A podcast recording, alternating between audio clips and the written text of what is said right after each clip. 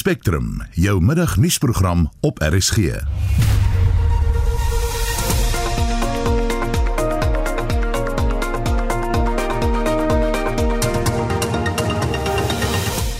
die volgende uur, Mango gaan waarskynlik nie teen volgende maand vlugte hervat nie.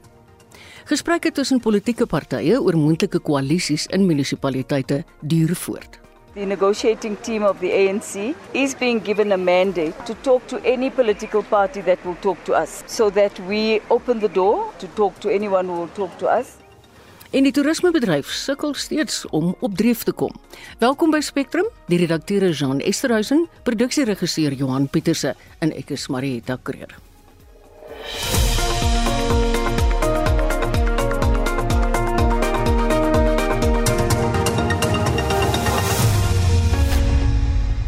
Ons is op pad na 6 minute oor 12. Ondanks alles wat in die sake reddingsplan voorgestel word, sal Mango waarskynlik nie volgende maand weer begine vlieg nie. Dit lydens gelekte korrespondensie tussen die Suid-Afrikaanse lugdiens wat Mango besit, die departement van openbare ondernemings en Mango se sake reddingspraktisyns. Volgens die sake reddingplan moet die 719 miljoen rand wat aan Mango beloof is, gebruik word om werknemers en krediteure te betaal. Sommige kenners meen egter dit is net 'n druppel in die emmer van wat Mango sal nodig hê om al sy skuld af te skryf. Vir meer hieroor praat ons nou met die vervoer-ekonoom Dr. Joachim Vermoten. Goeiemôre Joachim. Hallo Marieta en uh, luisteraars. Wat dink jy van die jongste verwikkelinge by Mango? Wel, dit is baie interessant en ek dink uh, baie dinge gaan later uitkom daaroor. Uh, die kern is dat uh, 'n uh, redelike groot bedrag uh, van die geld wat bewillig is na Israel is by wyse van wetgewing nou gewoonlik vir Mango. Uh, maar die problematiek is dat Mango is 'n filiaal van Israel. So die Israel en die fondse reg vir hulle is mm. in Mango wil ook die uh, fondse hê. So daar's 'n uh, konflik van belang daar. Daar was natuurlik altyd 'n konflik van belang op meeste van die groot roetes waar die twee lugdienste met mekaar mm. uh, meegeding het. En jy kry eintlik nie 'n insistenskaplike ding is nie. Jy ja. is maar uit vir homself. Die ja. konflik van van belang is die uh, die naam. Ja. Ek wil jou vra daar's meer as 700 mense wat se loopbane en hulle werksgeleenthede ingedrang is. Wat gebeur as Mango sy deure sou sluit? Sal as hy sy deure sluit dan net almal natuurlik nie meer werk nie. En uh, dit is dan die einde van die eh uh, die lugdiens. Eh uh, met sy eh uh, sake redding kan daar so twee derde van hulle hulle werk verloor. So mm. uh, hy kan natuurlik na die tyd weer verder groei. Want dit is eh uh, op die tafel op die Reken jy in hierdie huidige ekonomiese klimaat, is daar nog plek vir 'n laagkoste lugdiens soos Mango? Wel, ek daar is uh, nie 'n wendige beperking op die aantal lugdienste nie. Dit hang af maar van die hoeveelheid kapasiteit in die mark en die behoefte daarna. Uh, dan het stadiger begin in Suid-Afrika as wat almal gehoor het. So die sogenaamde demand het nie uh toegeneem soos vir die lugdienste kapasiteit vrygestel het nie. Uh maar daar is nie 'n fisiese beperking op die aantal lugdienste. Is die kool die sous werd vir die belastingbetaler om nog geld op te dok vir hierdie mislukte tak van die staatslugdiens? Wel, die belastingbetaler is nou klaar uh, uh gekommit uh ten opsigte van die 2.7 miljard van die Israeliese sake redding wat oorgeplaas word na die finale. Daarvan is die 819 miljoen uh geoormerk vir Mango. En ek is nie seker wie die besluit op die uiteinde gaan neem nie. Uh, maar uh jy weet dan nie kan dan Mango die geld hier aan die ander kant wil is hy hel die geld nou. Mm. So hy doen en en op die uiteinde uh gaan dit beteken dat hy sy al meer geld in die toekoms gaan kry syne fondse eintlik te maak. Ja, dit het 'n hele paar konflikte wat daar ja. is op die oomblik. Duidelik. Die mediumtermynbegroting is om die draai. Dink jy Mango moet enigstens asem ophou dat hulle dalk 'n reddingsboei gaan kry? Lyk my ons het daai laaste vlaag verloor. Is jy nog daar Joachim? Nee, ons groet hom. Ons vra om verskoning, hy is op pad lughawe toe, so dis op die laat hy nou so effens se agtergrond geluid het. Die land se toerismebedryf sukkel om weer op die been te kom na die streng COVID-19 inperkings. Talle reis- en toeroperateurs kry nog nie besprekings nie terwyl ander goed op dreef is. Isa Toerisme sê hy hoop dat die bedryf weer tot sy vorige glorie sal terugkeer, maar erken dat dit maar sukkel sukkel gaan. Annelien Moses berig. Volgens Statistieke Suid-Afrika se toerismeverslag van 2020 het buitelandse besoekersgetalle met 71% van 15 miljoen in 2019 tot minder as 5 miljoen verlede jaar gedaal. Die daling is toegeskryf aan inperkingsmaatreëls en reisbeperkings wat tydens die COVID-19 pandemie ingestel is. Die bestuurshoof van Secret Getaway Travels, Andrea Brits, sê hulle is van die min operateurs wat lig sien aan die einde van die tonnel. Brit sê hulle besprekings vir die feesseisoen is van hoofsaaklik internasionale toeriste. We have certainly seen an increase in the demand for Christmas bookings. We've also seen an increase in the capacity and the booking volume of the partners we work with. A lot of them are seeing a really strong return of the international traveller, which is super positive for the industry as a whole.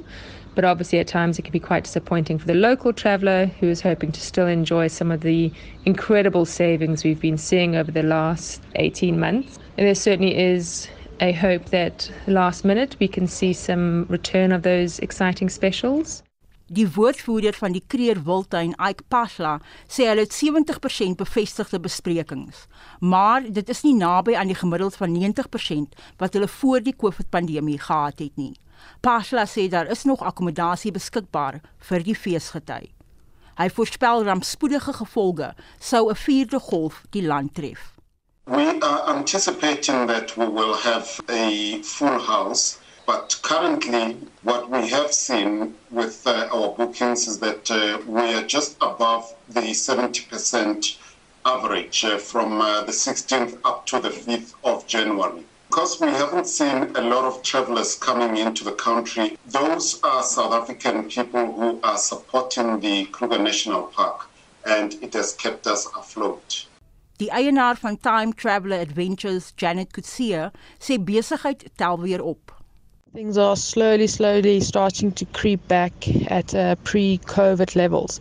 And even the odd tourist from abroad is trickling in on tours. I have had much more local tourists, people living in Johannesburg and Pretoria, actually wanting to get out. On Christmas, I find that I get a lot of spur of the moment bookings if there's another COVID lockdown, it's going to be horrible, especially if there is limitation on movement. Die hoof van Mo Africa Tours, Anthony Collier, sê binnelandse toerisme getalle neem ook toe en dat hy vol bespreek is van 15 Desember tot 5 Januarie volgende jaar. two months ago, just before the UK lifted restrictions, we had on average three inquiries, four inquiries a week. I'm now getting plus minus 25 inquiries a day. Got a lot of people going up to Kruger. I've got a lot of people into Pigansberg, Soweto.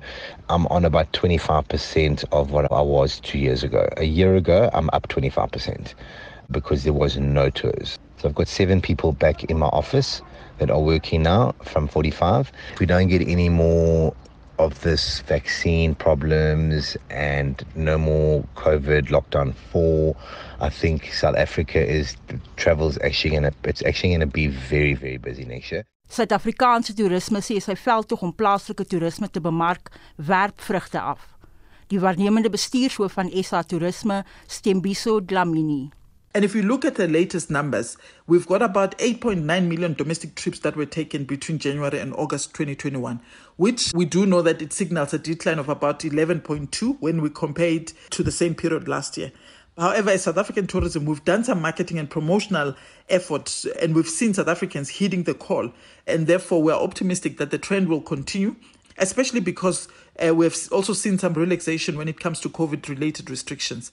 Dit was die waarnemende bestuurshoof van SA Toerisme, Stembiso Dlamini, wat die verslag van Amina Akram afgesluit het.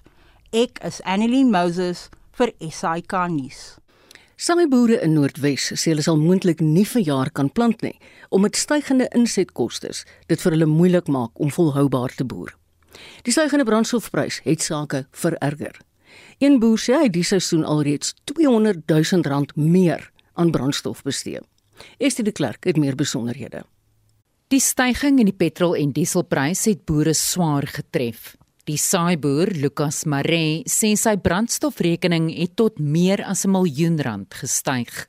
Dis 700 hektaar wat ek plant per jaar. Mal 110 liter 'n hektaar. Mal 18 met die prys wat nou is 1.386 miljoen. Miljoen rand net vir diesel. Maree sê sy enigste hoop is vir 'n goeie oes. Ja, ek weet nie, ons gaan maar sukkel want ons het nie hierdie hoë prys increase verwag nie. So ons sal maar 'n plan moet maak hierdie jaar, maar plant sal ons maar moet plant. Nee, hulle gaan hulle gaan baie swaar trek. Ehm um, want die mielieprys sal moet opgaan. Hy het reeds al opgegaan van laas jaar na die jaar toe wat vir ons goed is, maar hy sal weer moet opgaan.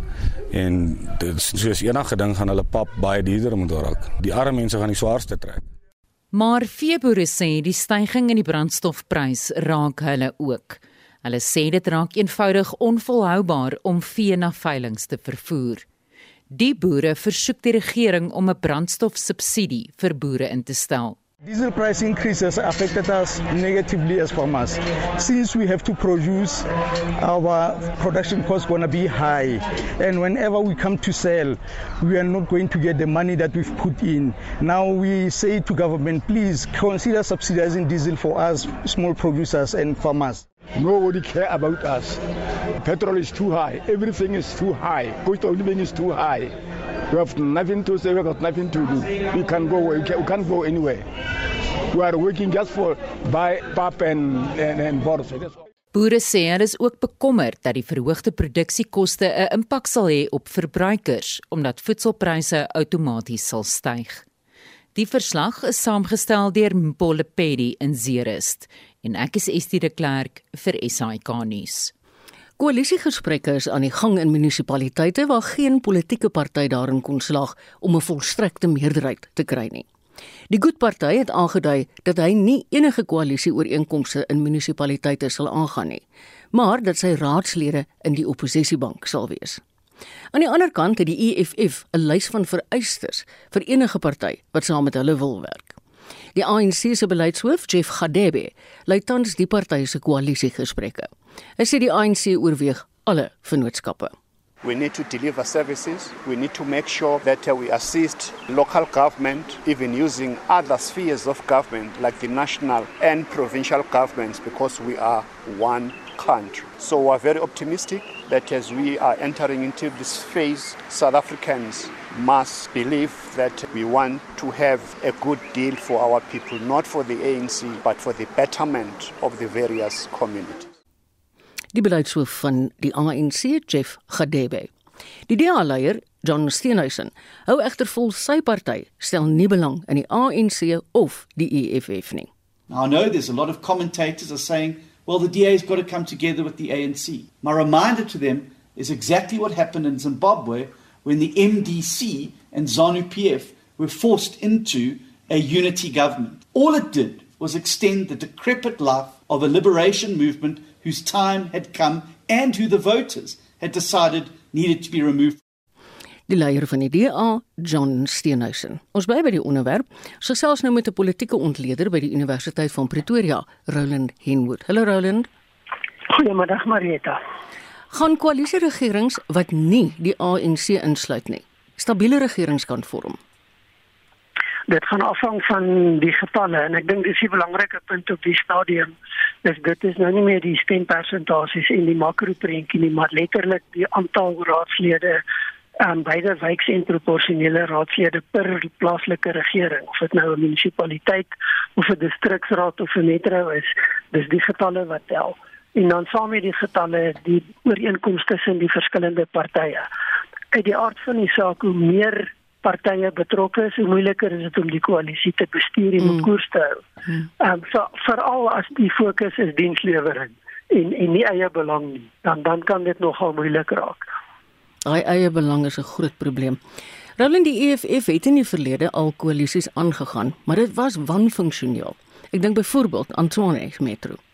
Wat voorspel jy nou vir koalisies waarby die EFF betrokke is?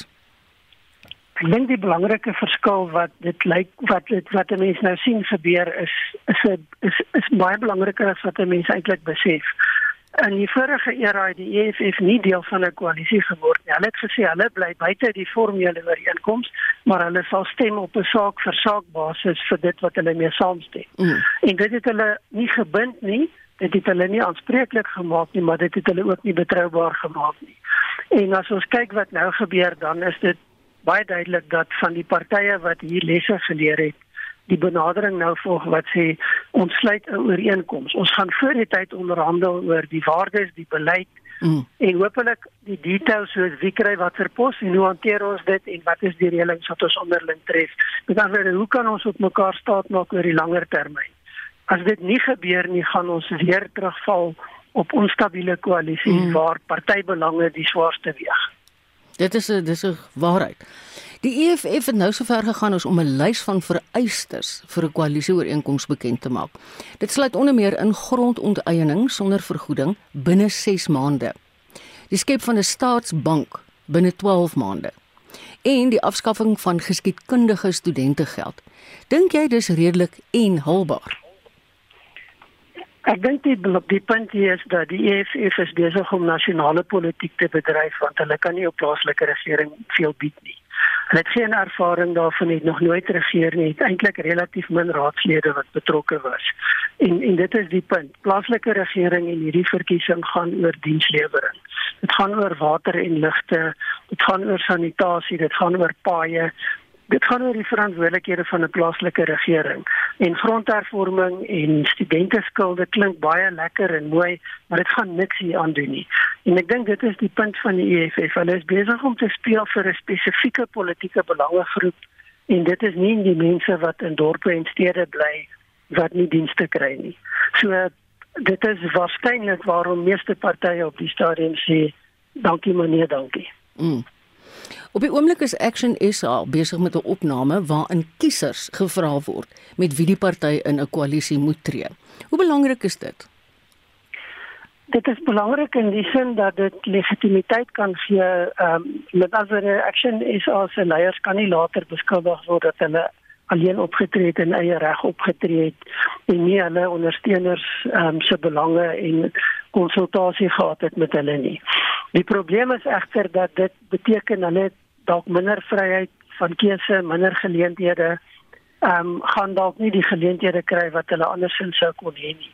So ek dink daar's positiewe en negatiewe elemente hier aan. Mm. Die die groot ding is ook dat Action SA se leiers moet pas op dat hulle nie indruk skep dat ons konsulteer maar ons neem nie self besluite nie. Dit kan hulle op die langtermyn ja, ondermyn. Ek verstaan. Die Patriotic Alliance het groter steun in hierdie verkiesing gekry. Gaan hulle 'n belangrike rol speel in die vorming van koalisies veral in metros dink jy? Hulle kan 'n belangrike rol speel waar daar relatief min rolspelers hoef betrokke te word by een van die groter partye, het sy die ANC of die DA.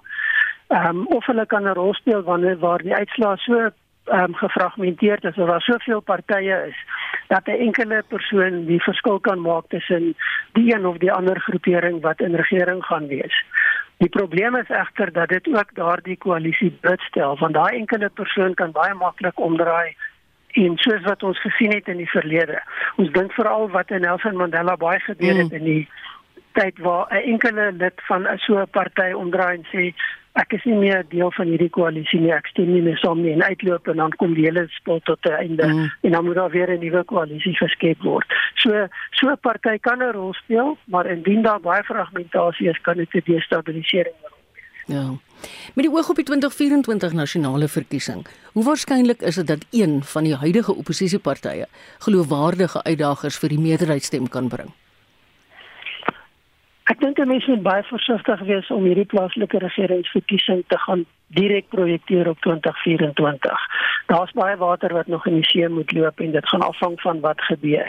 So ja, die tendens is dat die ANC se steun daal vir al in stedelike gebiede dat daar ander partye is wat goeie vordering maak, maar daar's nog 'n baie groot gaping op nasionale vlak tussen die ANC en die ander partye. So dit lyk asof daar geleentheid is, maar ons moet onthou die kleiner partye kon nie hierdie geleentheid benut ten spyte van die Mm. swakhede in die ANC. So ek is versigtig om te veel premie te plaas op wat ons nou sien en dit dood eenvoudig vorentoe te projekteer. Ek dink daar's geleentheid. Ja, daar's die moontlikheid van koalisies op ander vlakke, dalk provinsies soos Gauteng. Maar um, ek dink nie mense moet aanvaar dat hierdie tendens outomaties die een gaan wees wat ons in hierdie verkiesing net eenvoudig kan vorentoe vat na 2024 toe. Baie dankie Roland. Dit was Roland Henwood, 'n politieke ontleder verbonde aan die Universiteit van Pretoria. 25 oor 12. Die wagondorganisasie Corruption Watch se nuwe verkrygingsmeganisme het ontleeders aan die gons. Die meganisme help om data oor staatsverkryging te vereenvoudig sodat dit makliker ontleed kan word. Die eerste van hierdie verslae is reeds vrygestel en Marlenae Forsie berig, daar is 'n paar gevaartekens. Professor Gio Kino is verbonde aan die Universiteit Stellenbosch se Regsfakulteit en die direkteur van die eenheid vir verkrygingsreg in Afrika. Hy sê die eenheid bemoei hom met die integriteit van staatsverkryging. Verskeie verslae word kwartaalliks op die tesourier se webtuiste gepubliseer, maar is moeilik om te interpreteer en van daar Corruption Watch se verkrygingsmeganisme. Hierdie meganisme trek al daai data in en maak dit dan in 'n formaat wat dit moontlik maak vir mense om te vergelyk tussen verskillende staatsorgane maar ook om dan net na sekere aspekte te kyk. So byvoorbeeld die grootte van die afwykings of watter entiteite het die meeste afwykings gehad in 'n sekere periode. En dit is die eerste keer in Suid-Afrika wat dit moontlik is en dit stel ook natuurlik dan in staat om allerlei tipe analises te doen, patrone te begin identifiseer en verder te begin grawe. Drie aspekte van verkrygings is onder die vergrootglas: afwykings wanneer die voorgeskrewe prosedure nie gevolg word nie, kontrakwysigings en 'n lys verskaffers wat om verskeie redes beperk word. Van die eerste bevindinge laat die wenkbroue reeds lig. Afwykings was daar 'n toenemende afname in die hoeveelheid aansoeke om afwykings na die tesourier en ook in daai selfde tyd, dis nou tussen 2018 en 2020 was daar toenemend onder hierdie rapportering van afwykings eh, dat die tesourier gesê hulle ondersteun dit nie so daar's duidelik 'n tendens dat daar 'n poging ten minste is van die nasionale tesourier om hierdie afwykings te verminder. Kontrakwysigings het heelwat afwykings getoon. Die top wysiging van 'n kontrak oor hierdie periode dis was 26000% op die oorspronklike kontrak. Een kontrak is toegeken deur 'n openbare proses uiteindelik is die kontrak wat vervul is 26000 keer meer as wat dit moes gewees het. Die ander ding wat ons ook gesien het by beide afwykings en vergrotings is dat daar 'n sekere staatsorgane wat meer hierop steun as ander. So daar is dat herhalende gebruikers en dit is natuurlik 'n geweldige rooi vlag. Hy sê verder die lys van verskaffers wat beperk word is verbasend kort. Ons leef in 'n land waar ons weet verkryging word regtig misbruik en ons sien nie dat die verskaffers wat betrokke is by hierdie misbruik se name op hierdie lys verskyn nie.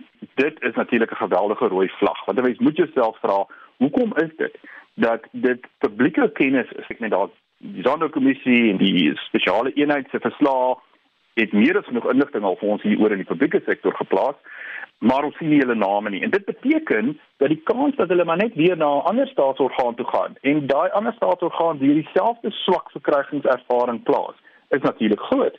Die is die eerste van vele verslae oor die tesourier se verkrygingsprosedure.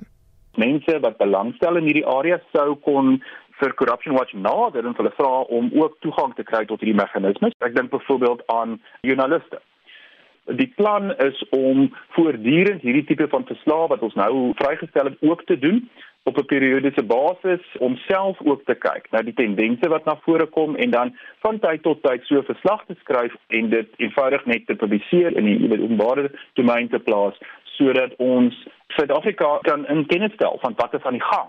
Hy waarsku egter teen verkeerde gevolgtrekkings. Daar is goeie redes, aanvaarbare redes hoekom staatsorgane kan afwyk. So nie alle gevalle wat op hierdie data uitwys en in die verslag na vore kom is noodwendig sleg nie. Wat ons nou wel kan doen met hierdie meganisme is om verder te begin grawe sodat ons daardie gevalle waar daar 'n goeie rede is, byvoorbeeld dis 'n noodsituasie en die staatsorgaan moet onmiddellik handel sonder om kompeterende tenders aan te vra, kan onderskei van gevalle waar daar misbruik is.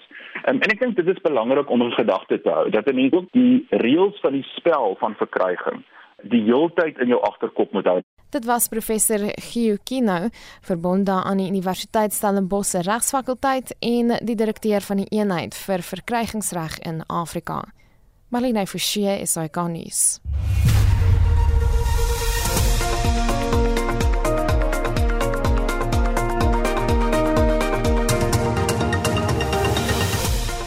Dis op die kop half 1. In die tweede helfte van Spectrum, ewige reën word vir verskeie provinsies voorspel.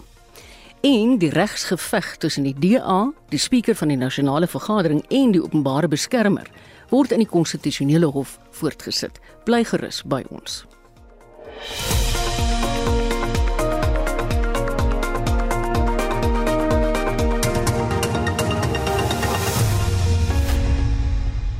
Ewige reën het gisterand in Gauteng uitgesak. Daar was selfs haal op sommige plekke.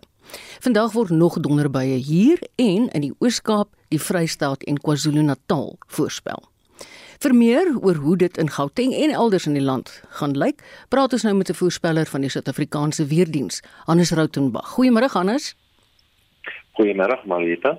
Hoe lyk die reënvalsyfer vir Gauteng? Ja, op die oomblik is daar goeie reën. Ehm um, dit is eintlik die uh, beste reën wat tot sover hier oor die oostelike dele van die land uh, uitgesak het hierdie somer. Ons het maar hierdie uh, sporadiese donderstorms gehad tot nou.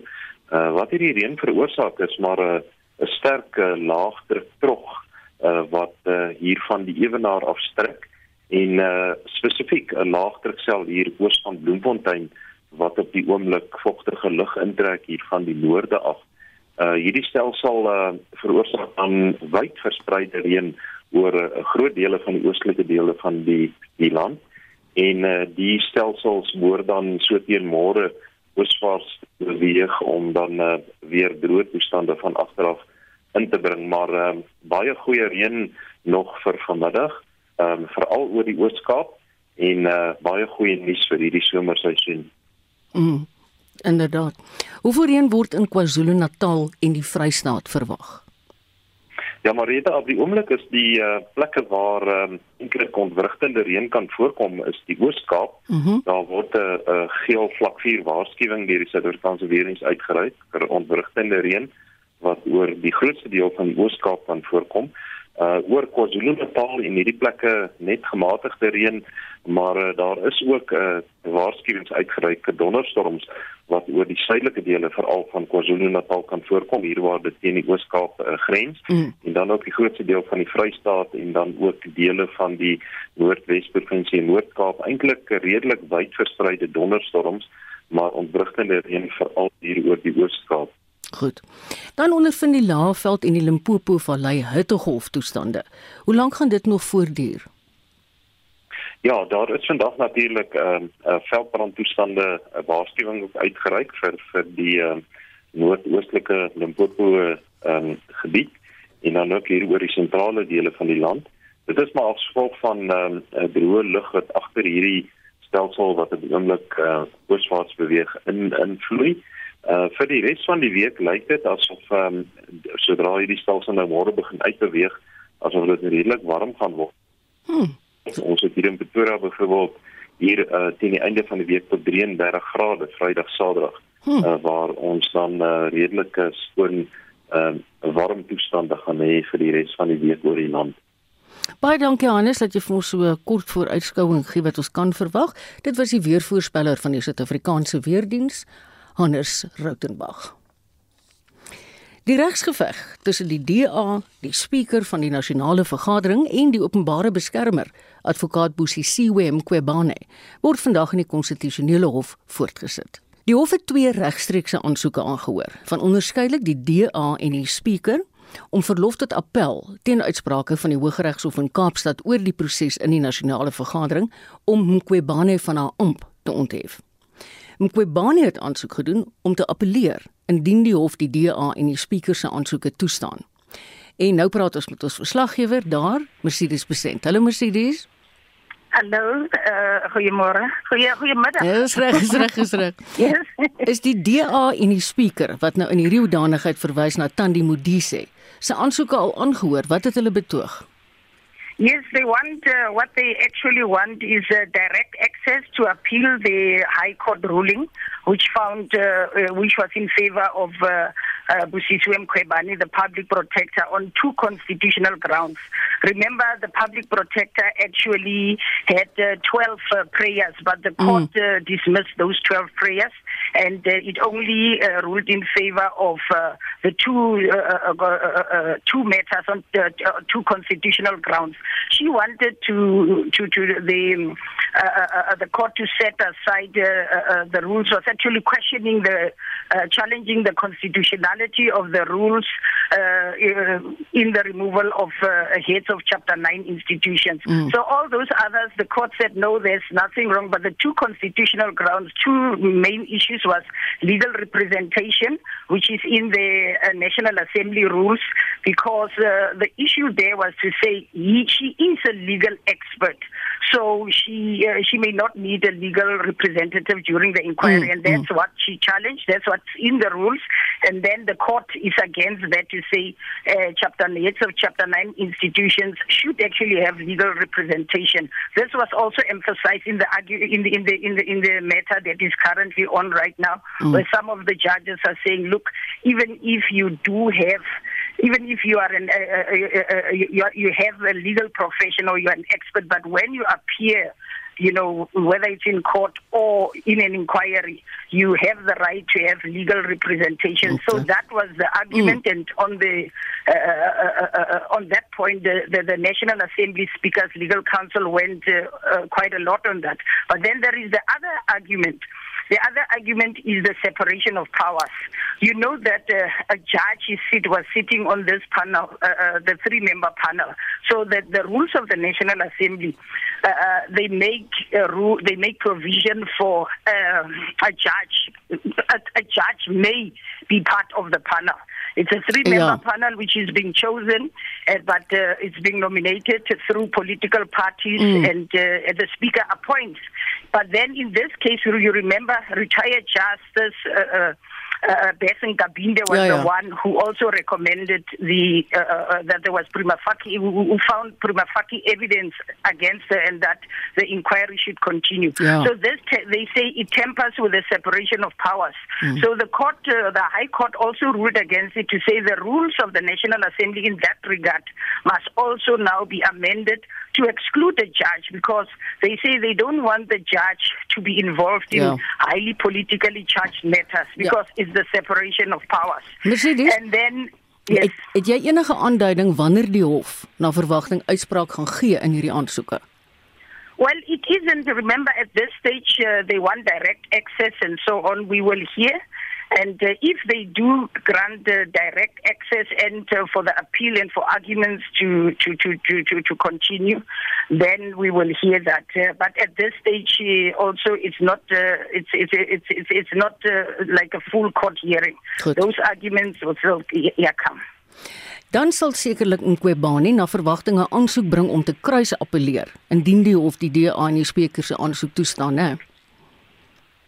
Yes, uh, she also, yeah, that is actually what uh, she wants because she herself, although she accepts that there were two, she's happy with the two, uh, uh, um, with the ruling of the court on two of those uh, uh, constitutional grounds, she's still not happy with the other because one of the things she wanted the court, the High Court, to ensure that uh, the national, former National Assembly Speaker uh, should actually pay the costs and so on. So that's one of the issues there which now she is also now challenging. So what she's actually she's also bringing uh, uh, uh, another court application on top. So this is a really uh, a very complicated. It's going to be a very complicated matter here. It's the gaan the speaker and then her and yeah. so it's a it's a conditional application and Ja. also you have an appeal here by the speaker and then you have a, a counter appeal Mm. also by the DA. So it's going to take some time. Ja, baie sterkte daarmee Mercedes, want jy sou vir ons alles moet vertel wat daar gebeur. Dankie. Dit was ons verslaggewer Mercedes Besent. Die verhoor waarin ses beskuldigdes tereg staan op die moord van generaal-majoor Tikiso Mogarane word vandag in die Hooggeregshof in Johannesburg voortgesit. Daar word beweer dat Mogorane se vrou, luitenant-kolonel Cordelia Mogorane, en haar seun Tabiso in Januarie 2018 sluipmoordenaars gehuur het om haar man te vermoor. Die verdagte staan tereg op moord en sameswering om moord te pleeg. En ons praat nou met ons verslaggewer wat hierdie verhofverrigtinge vir ons dophou, Lila Magnus. Hallo Lila. Goeiemiddag Marita en goeiemiddag aan die luisteraars. Waar en onder watter omstandighede het Mogorane se oorskot in Januarie 2018 opgeduik? Mogorane se oorskot is um, nie ver van sy huis gekry nie in um, in Berkeley en dit was agter in sy motor. Die nadelige ondersoek het gewys dat hy verwrig is, hoewel daar aanvanklik gedink is dat hy is vergiftig. Maar ehm um, die staat beweer dat Mogorane se vrou en seun uh, die besluitmoordenaars gehelp het om van sy oorskot ontslae te raak langs die pad. Kyk, ons hoor al baie lankal van hierdie saak soos jy nou self gesê het, ons kom al van 2018 af. Maar hoe lank al is hierdie verhoor aan die gang? Die verhoor het die 10 Augustus begin en dit het um, almal het onskuldig gepleit en dit waarmee ons vandag nou besig was is 'n binneverhoor okay. waar die eerste beskuldigde Zwezinga Zondo beweer mm. dat die erkenning wat hy gemaak het teen sy wil gedoen het dat sy regte nie vir hom verduidelik is nie dat daar nie vir hom gesê is hy kan regsverteenwoordiging kry nie en dat daai bekendtenis uitgegooi moet word. So dit is waar ons nou is, maar die saak is nog op die rol tot donderdag die week en dan sê die staatsaanklaer dink sy hulle sal moet uitstel tot volgende jaar. Regtig? Ja, die hofrolle is maar vol en die jare tot amper klaar, nou, mm. so amper in die middel van November. Ja, hulle gaan amper in reses. En jy reken hulle sal definitief oorloop na volgende jaar toe, want hoe lank dink jy gaan die verhoor uiteindelik duur? Ja, daar is meeste van die verhoor um, en van die getuies het al getuig, maar dan moet die ses beskuldigdes hulle sake mm. opstel. En dit kan 'n redelike lang proses wees omdat daar so baie beskuldigdes is en elkeen reg het om sy eie getuies te roep en dan moet daai getuies weer gekry ondervra word. So dit ja. kan nog 'n redelike lang proses raak. Baie dankie Lila, ons is sekerlik baie met jou gesels oor hierdie saak. Dit was Lila Magnus, ons verslaggewer in Gauteng wat ons op hoogte hou van daai hofverrigtinge. Lichtenburg in Noordwes is reeds sedert donderdag sonder elektrisiteit. Die gebrek aan kragvoorsiening het ook 'n impak op watervoorsiening aan die dorp. Ten spyte van beloftes van die munisipaliteit dat die elektrisiteitstoevoerprobleem reeds teen gister herstel sou wees, is inwoners nou vir 'n vyfde dag sonder krag en water. Esie de Klerk doen verslag. Volgens die Ditchebotla plaaslike munisipaliteit het die kragvoorsieningssubstasie donderigmiddag ontplof. Kragtoevoer na sekere dele van Lichtenburg en die nabygeleë Blydewil woongebied is onmiddellik afgesny. Die dorp gaan reeds etlike jare gebuk onder 'n ernstige watervoorsieningsprobleem met water wat bedags tussen 9uur soggens en 5uur smiddag afgesny is. Die huidige kragvoorsieningskrisis het ook 'n impak op watervoorsiening aan inwoners van die dorp omdat water nie na die gemeenskap gepomp kan word nie, sê die DA woordvoerder Jacqueline Theologo. Hierdie is werklik 'n krisis. Die distriksmunisipaliteit Nyaka Modiri Molema is besig om van die boorgate oor te boor. Daar is meer as 20 boorgate. Net 11 is in bruikbare toestand en op hierdie stadium het ons net 4 boorgate wat voldoende pomp, 'n 15 is oorgeskuif wat dit beter maak, maar die kragkrisis beïnvloed ons watertoevoer ongelooflik baie. Eerstens beteken dit dat daar kan nie water gepomp word nie. Al ons water is ondergrondse water en dit kom direk van die boorgate af na die waterwerke toe en dan word dit aan die dorp versprei die tweede ure in die oggend en die twee ure in die aand. Wat die situasie nog meer vererger is natuurlik beerdkrag en beerdkrag maak dat ons nie die Eskom gedeeltes van die pompe kan pomp as dit daar beerdkrag is nie en dan direk daarna is die ander dele in die klipveld waar die munisipale krag toevoer is na die pompe ook so ook die waterwerke staan dan. So dis soos 'n dubbele slag wat ons dan kry. Volgens verklaringe wat deur die DA aan inwoners uitgereik is, het die party 'n privaat kontrakteur verkry om die nodige herstelwerk by die substasie te doen sodat die kragprobleem so gou as moontlik uitgesorteer kon word. Die kontrakteur was Vrydag by die substasie en sou die probleem Saterdag kon herstel, maar hy is meegedeel dat die munisipaliteit self die probleem sou herstel, sê Theologo. Vir feit weet ons dat as die kontrakteur wat die DA voorgestel het toegelaat was en sy aanstellingsbrief gekry het, was daar al reeds Sondagmiddag krag gewees. Die man weet wat is die probleem. Hy het die nodige toerusting om te toets dat daar nie kabels in die vertrek is nie, dat al die busbars werk en dat werk wat moet gedoen word kan gedoen word spoedig. Die kontrakteur wat aangestel is, moes ons verwag. Hy het uiteindelik gekom maar die werk wat Saterdag gedoen was was nie voldoende en op standaard nie. Groot sakeondernemings soos die Lafarge sementfabriek word veral deur die kragonderbreking geraak, sê sy. Groot maatskappye in die omgewing, die wat ook gaan trek, huidige kleiner besighede het almal saamgestaan en vir ons gesê hulle sal help.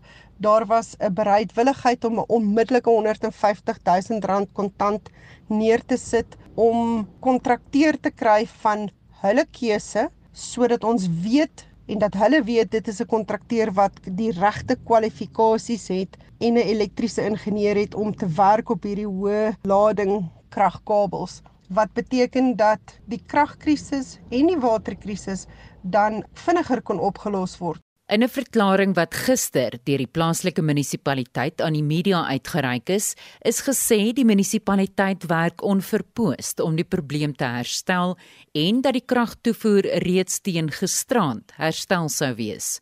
Maar inwoners het steeds geen kragvoorsiening nie. Die kommunikasiebeampte van die munisipaliteit, Pius Patsile, sê 'n kontrakteur is sedert Saterdag by die substasie om te probeer om die probleem te herstel. Patsile het nie op Spectrum se navraag om kommentaar gereageer nie. Ek is Estie de Klerk vir SAK nuus. So op kop 10 voor 1 Die sake nuus word aangebied deur Jessie van Rensburg, 'n portefeuljebestuurder by Netbank Koöperatiewe Beleggings. Hallo Jessie. Goeiemôre Marita en aan al die luisteraars. Ehm um, die mark is kom die week meestal swakker af As ons kyk na al die Hong Kong Hang Seng verswak met 0.4%, die Japaneese Nikkei met 0.4%, asook Australiese ASX was met 0.1% laer. In Europa verhandel die Britse indeks uh, onveranderd, die Franse indeks op met 0.1% en dan die Duitse DAX, uh, DAX is dan af met 0.1%. Plaaslik verhandel ons algehele indeks klein bietjie hoër 0.1%. As ons kyk na die finansiële dienste indeks, uh, uh, indeks, dit is klein bietjie laer met 0.6%. Uh Investec is heelwat op 4.3%. Dit is natuurlik na verdienste wat hulle uitgebring het. First Rand is af met 1.6% en ook Remgro is laer met 1.7%. Die nywerheidsindeks verswak met 0.2%. MTN het also op met 2.3%. Richmond is op met 2.1%. Maar Vodacom is af met 2.6% as ook Aspen is laer met 3.3%. En die Hulbron indeks is op met 0.5%. Anglo Gold het hulle die derde kwartaal se verdienste uitgebring. Uh, dit is op met 2.7%.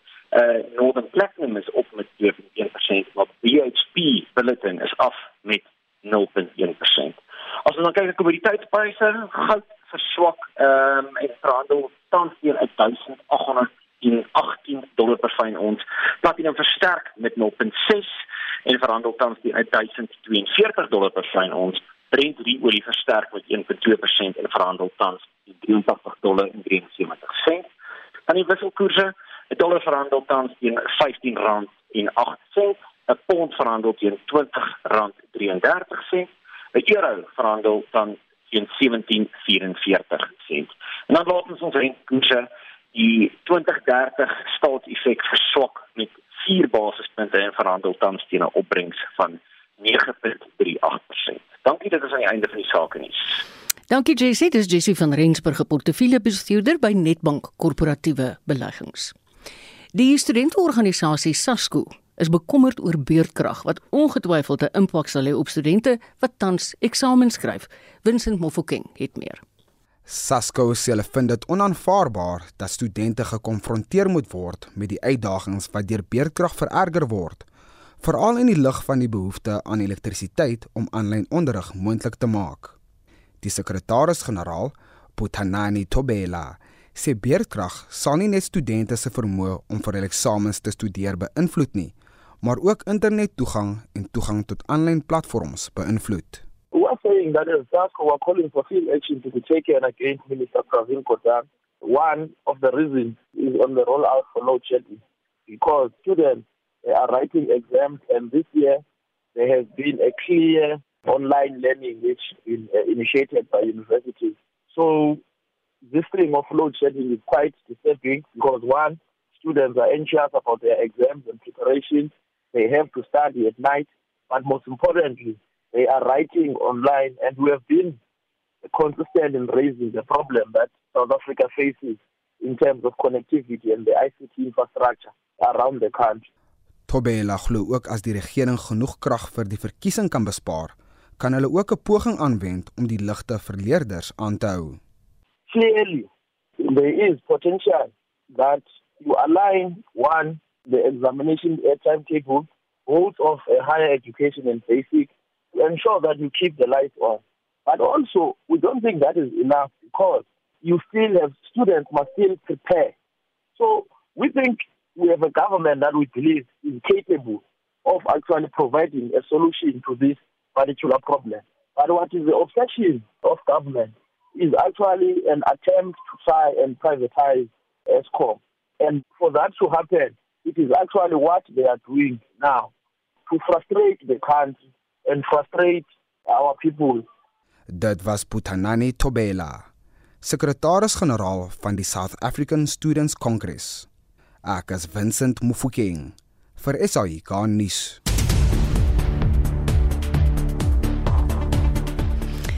Joan Marie hou oog vir ons oor die dag se ontwikkelende nuus en sosiale media stories. Goeiemôre Marieta. Ja, koalisiegesprekke is aan die gang in verskeie munisipaliteite. Terwyl die ANC sê hy sal enige vennootskap oorweeg, is daar sekere partye soos die DA en Action SA wat sê hulle wil niks met die ANC te doen hê nie. Die politieke ontleder, Roland Henwood, sê sonder amptelike koalisieooreenkomste tussen partye binne die vennootskap kan ons regmaak vir nog onstabiele regerings. As ons kyk wat nou gebeur, dan is dit baie duidelik dat van die partye wat hier lesse geleer het, die benadering nou volg wat sê ons sluit 'n ooreenkoms. Ons gaan voor die tyd onderhandel oor die waardes, die beleid en hopelik die details soos wie kry watter pos en hoe hanteer ons dit en wat is die reëlings wat ons onderling tref. Ander woorde, hoe kan ons op mekaar staat maak oor die langer termyn? As dit nie gebeur nie, gaan ons weer terugval op onstabiele koalisie waar partybelange die swaarste weeg dan gons dit steeds op sosiale media oor Asker Pistorius dit nadat die veroordeelde moordenaar onlangs aansoek om parol gedoen het. Pistorius is in 2015 skuldig bevind aan die moord op sy vriendin Riva Steenkamp. Hy het alsoos oor die helfte van sy 13 jaar vonnis by die Atteridgeville gevangenis uitgedien. Die Steenkamps se regverteenwoordiger Tanya Koen sê Riva se ouers was geskok om uit te vind Pistorius is al in aanmerking vir parol. Die slagoffer oortreding dialoog moet eers plaasvind tussen afskrifstories en my kliënte en ek kan vaar intussen tyd sal die departement van korrektiewe dienste ook seker maak dat hulle aan al die ander vereistes voldoen het. Dis nou hulle ook die slagoffer oortreding dialoog gedoen het. Sodra die datum vasstel, moet hulle in terme van statutêre wetgewing my wat nou die regte teenwoordig is, is van Unionberry teenkam of Unionberry persoonlik in kennis stel van die datum en van die plek waar die paroolraad hulle sitting sal hou. En ander nuus sê die vise-kanselier van die Noordwes Universiteit, professor Dan Kwadi bedank. Hy het in 2014 uh, by die universiteit as fisiekanselier aangesluit. Sy termyn sou in 2024 verstryk. Kwadi gaan nou by die Val Universiteit vir Tegnologie in Vanderbijlpark aansluit. Hy het die pos as fisiekanselier daar aanvaar. En Suid-Afrika gaan heel week onder fase 4 beerdkrag gebuk gaan en daarna fase 2 tot Saterdag, maar president Ramaphosa sê hy is optimisties oor die beleggings in groen krag die afgelope ruk. In sy weeklikse nuusbrief sê Ramaphosa dat die beleggings nie net ekonomies ekonomiese inspuiting sal wees nie, maar dat dit sal help om beerkrag te bowe te kom. Dis sê fase 4. Fase 4. Ja. Ons groet hier van Spectrum af. SAK nuus. Onafhanklik, onpartydig.